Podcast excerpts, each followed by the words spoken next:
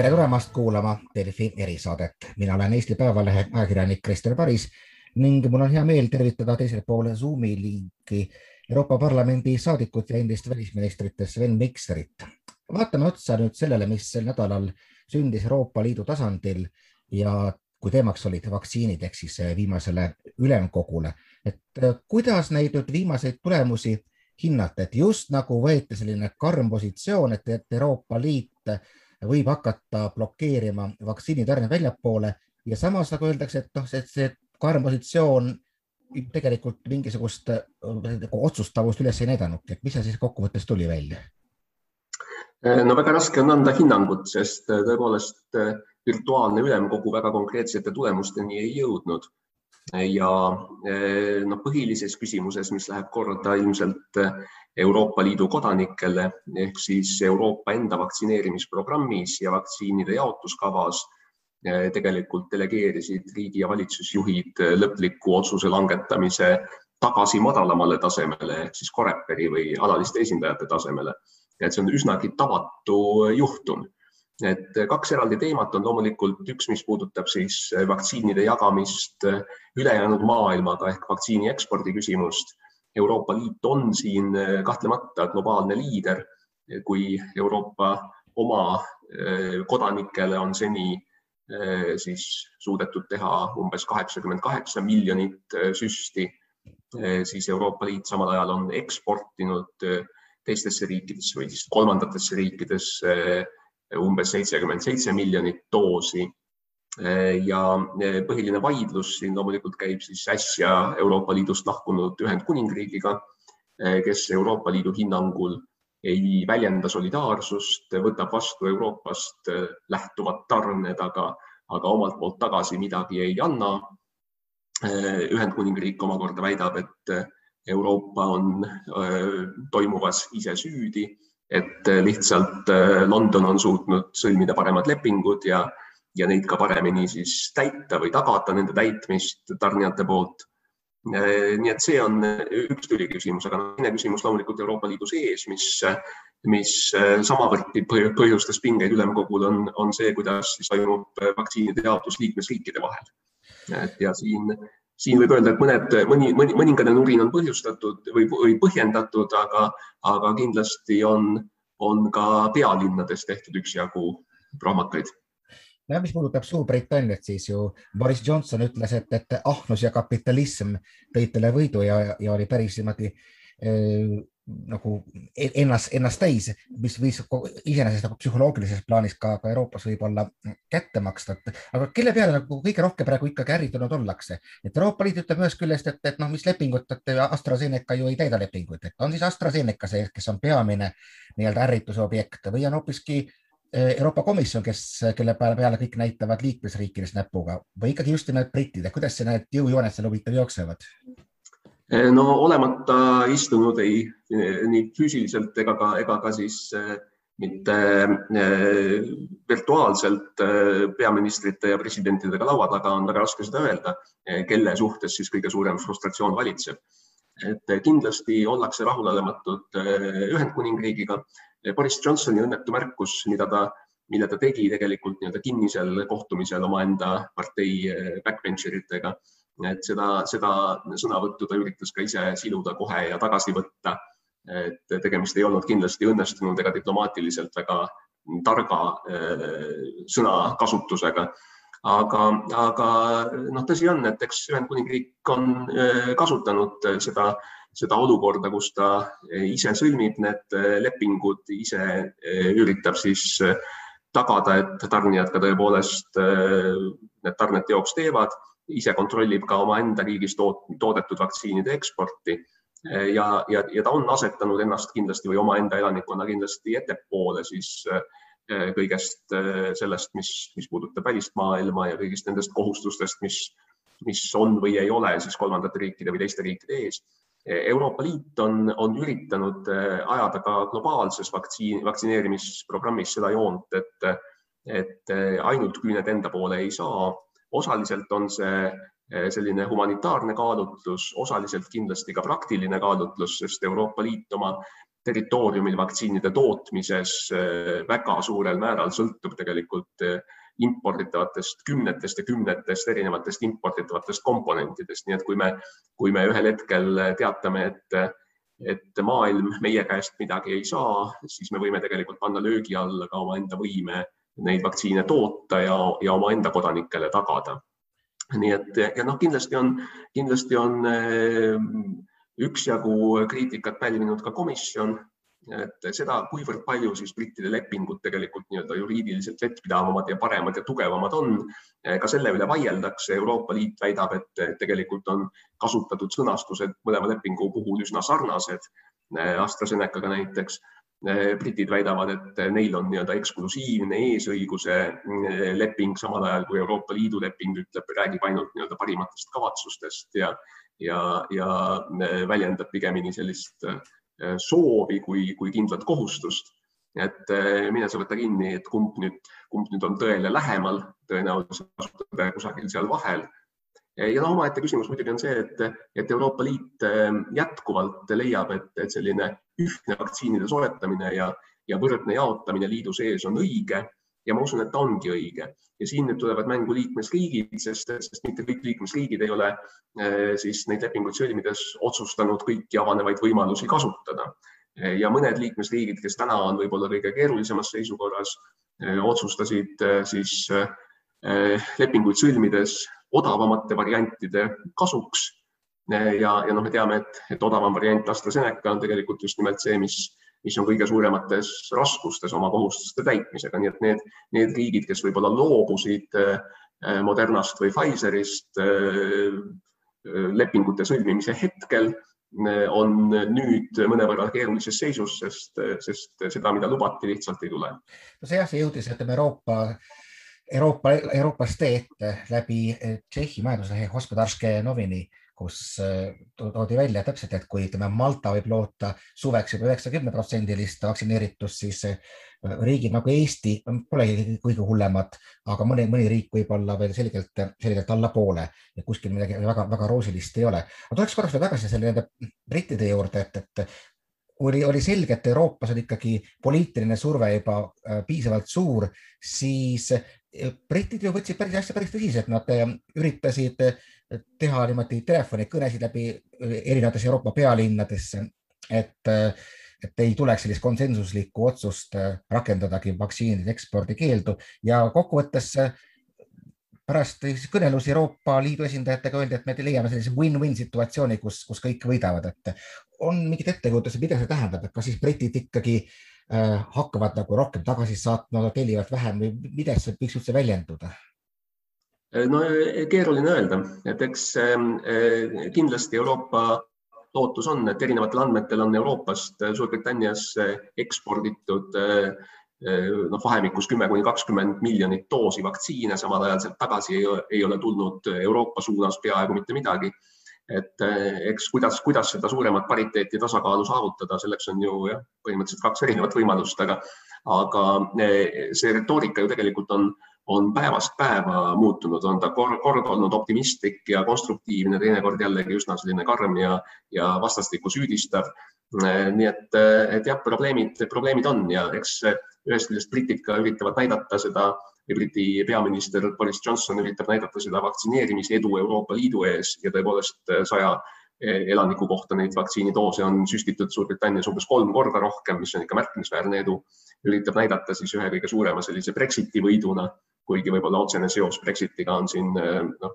noh, on olemas, aga, aga, aga ta ei ole kindlasti, kindlasti noh, sedavõrd, sedavõrd määrav, kui, kui võib-olla üritatakse sise, sisepoliitiliselt näidata. Aga noh, see Euroopa eh, poolt tõepoolest see elanikkonna vaktsineerimine on olnud nii, nii aeglane, et ta on ikka põhjustanud väga suurt nurinat eeskätt just nimelt elanikkonna seas Eh, kes pikisilmi ikkagi eh, väga suur osa sellest ju ootavad neid vaktsiine, mida ei näi ega näi saabuvat ja ühe uued teated ka tarnijate poolt, et jälle üks, üks tarne jääb hiljaks, tuleb ebatäielikult, et need kindlasti seda frustratsiooni süvendavad. Eh, varem või hiljem see, see, see pahameel kerkib pinnale, jõuab, jõuab poliitilisele tasemele ja siis nii nagu poliitikas ikka, eks üritatakse siis seda, seda kuidagi nii-öelda enda pealt seda süükoormat ära lükata kuhugi, kuhugi mujale, on see siis ühine Euroopa katus või on see siis juba mõni, mõni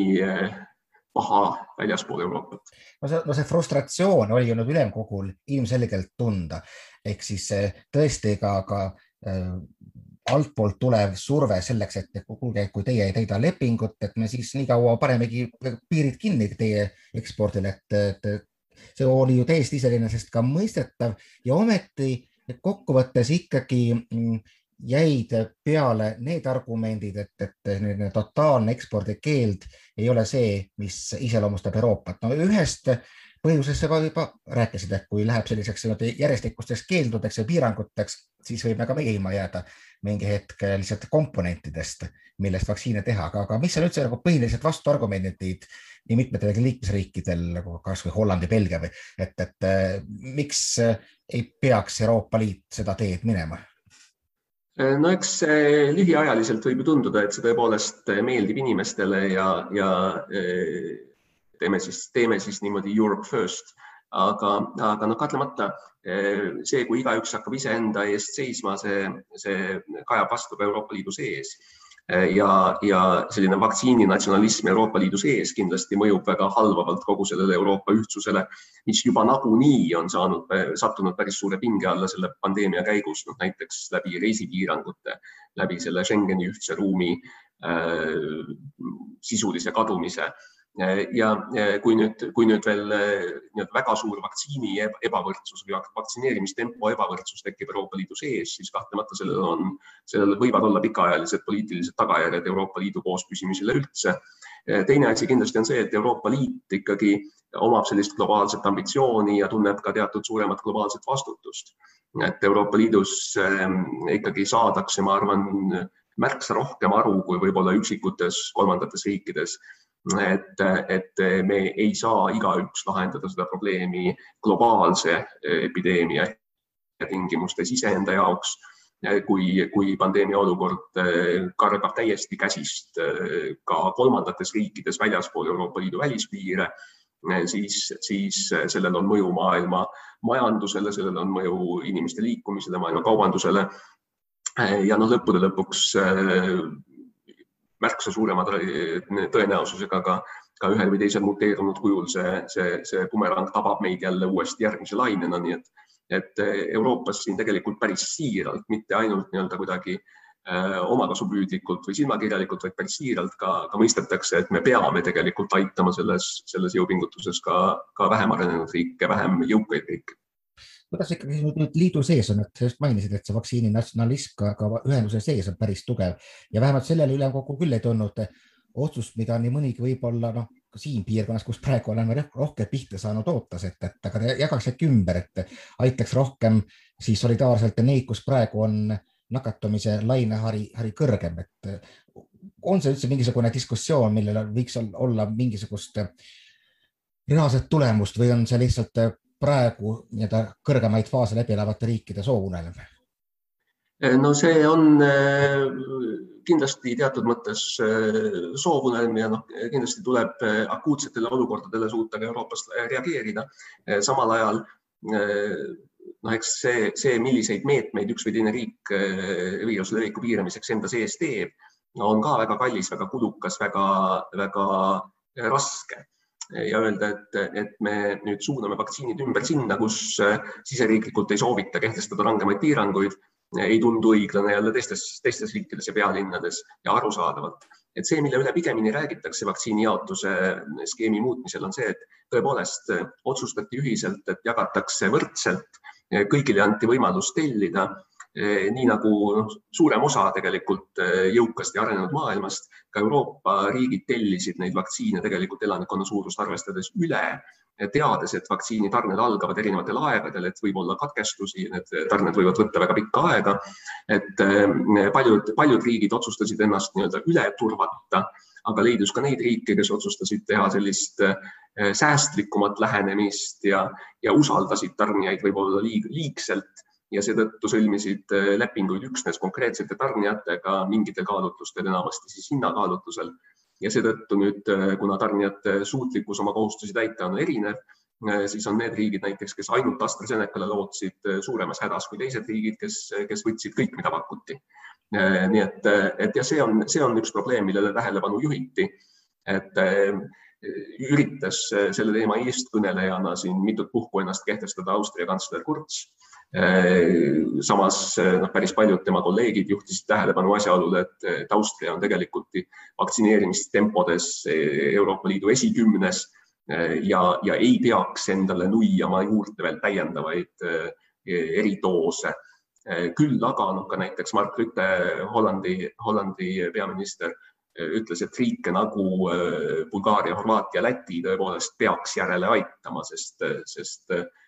nad, nad kipuvad maha jääma ja see mahajäämus võib siin suveks äh, ka halvemate stsenaariumide puhul süveneda. huvitav, kuidas suhtutakse ka nendesse, kes on, kas lähenevad üldse vaktsineerimisele, vaktsiinide hankimisele loominguliselt ehk siis nagu ma aru saan, tegelikult rikkudes sellist ühishanke lepet, et hangivad vaktsiine Venemaalt. ka meil Eestis on hästi palju juttu, et ikkagi peaksime olema aktiivsed ja katsuma ka väljaspoolt Euroopa Liitu hankida vaktsiine juurde, väljaspoolt seda hanget, mis vist on selle lepinguga olemuslikult keelatud, et kuivõrd selline, ma ei oska öelda, kas kujutad rehepapi tekkimine, aga ikkagi nii-öelda küüned enda poole käitumine Äh, mis tunde see tekitab Euroopas? Äh, no kindlasti äh, on see potentsiaalselt probleem, sest Euroopa Ravimi või Meditsiiniagentuuril on ikkagi kolm sellist põhilist kriteeriumi, mille, mille, mille alusel siis antakse vaktsiinidele heakskiit ja lubatakse need Euroopa Liidu turule. Need on noh, ühest küljest kindlasti vaktsiini efektiivsus või tõhusus, teisest küljest vaktsiini ohutus ja noh, siin ju kuna vaktsiinid on turule tulnud tunduvalt kiiremini, kui oleks selline tavaprotseduur, et siis, siis siin avalikus meedias ja avalikus ruumis ju ringleb igasuguseid teooriaid erinevate vaktsiinide võimalike kõrvalmõjude ja kõrvaltoimete kohta. ja kolmas kindlasti oluline kriteerium on kvaliteet ehk siis tootja suutlikkus tegelikult kestlikult suurtes kogustes toota muutumatu kvaliteedi ja tõhususega toodet Äh, ja, ja, ja kõik need kriteeriumid peavad ka kolmandatest riikidest äh, siis müügiluba taotlevate toodete puhul olema tagatud. nii et Euroopa Liidul kindlasti ei ole siin mingisugust eelarvamust ühegi, ühegi siis maailma ravimitootja toodete suhtes aga nad peavad kõik tegelikult läbima selle, selle tiheda sõela, sest, sest selliseid järeleandmisi, millel võivad olla potentsiaalsed äh, katastroofilised tagajärjed rahva tervisele, ei, ei ole lihtsalt võimalik Euroopa Liidus teha.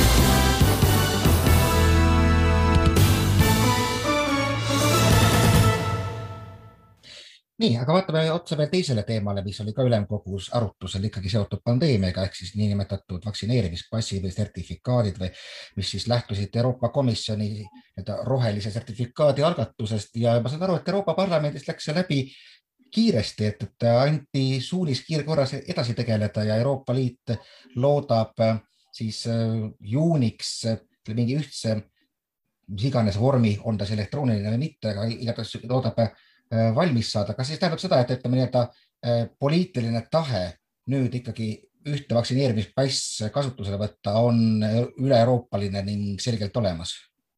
no see, mida väljendas Euroopa Parlament, oli, oli, oli tõepoolest nii-öelda valmidus sellel hääletusel, valmidus teemaga kiiresti tegeleda.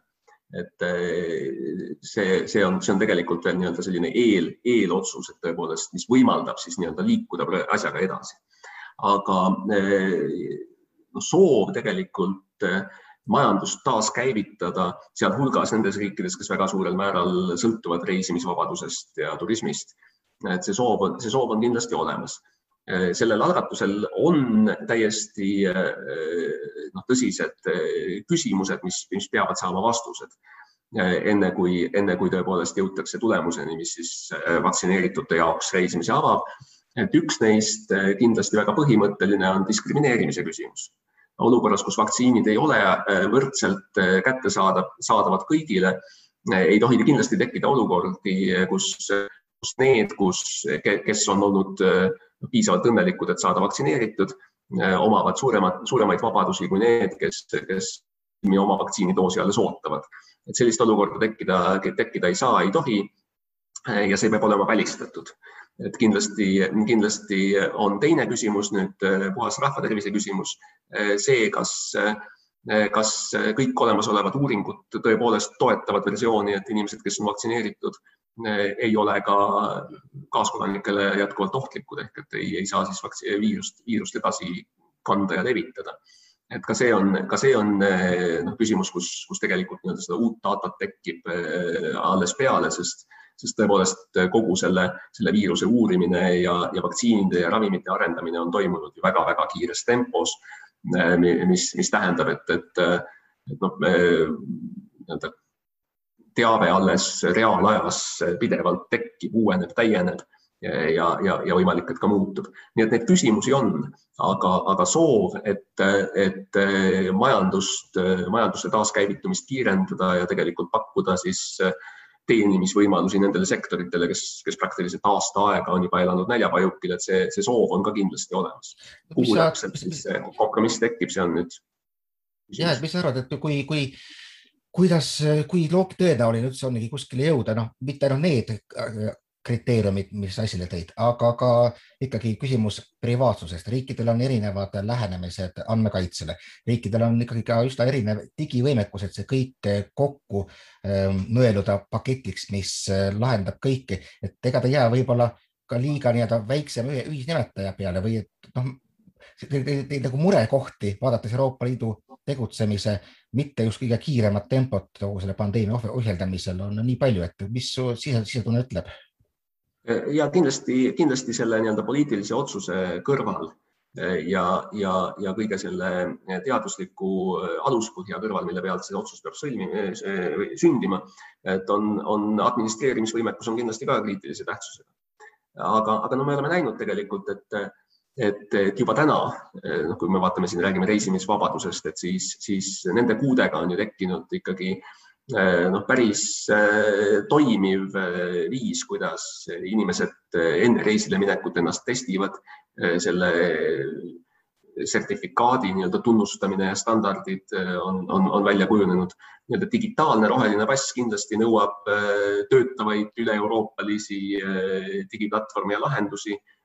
mis, eh, mis ei sünni üleöö ega iseenesest eh, ja, ja, ja me teame, et siin võimekus ka erinevates Euroopa riikides selliseid platvorme administreerida ja, ja töös hoida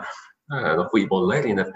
aga, aga, aga ambitsioon peab kindlasti olema, et, et, et selline platvorm tekiks ja, ja noh, ma usun, et kui see suudetakse edukalt käivitada, siis ta tegelikult noh, loob päris hea eelduse ka selleks, et, et, et muudes äh, Äh, toppama jäänud äh, digilahendustes võib-olla jõudsamalt edasi liikuda. no mis su enda tunne kokkuvõttes on, et äh, mis, mis hinda võib panna Euroopa Liidu tegutsemisele, et no kritiseerida on kerge, nagu sa ka mainisid, on väga tihti väga kerge lükata enda poliitilist vastutust kuskile niimoodi Euroopa tasandile, on kritiseeritud, et noh, selline komisjoni harilik ülesehitus ei sobigi kriisiaegadeks, sest et ta olemuslikult toodab sinna etteotsa Äh, noh, pigem nõrga juhi ehk siis inimesed, kes kõigile võimalikult äh, vähe närvidele käib, kui piltlikult öelda. et, et kõike seda arvestades, ähm, kui palju oleme me välja pigistanud sellest potentsiaalist, mis võimalik oleks? Äh, no alati saab, alati saab kahtlemata paremini, saab kahtlemata halvemini, et ma arvan, et see, et Euroopa üritas vaktsiini küsimusele konkreetselt läheneda ühiselt, on, on, on õige. see, et, et võib-olla teatud ülesandeid alahinnata, nende komplitseeritust, nende keer, keerukust alahinnati alates juriidikast, alates lepingute sõlmimisest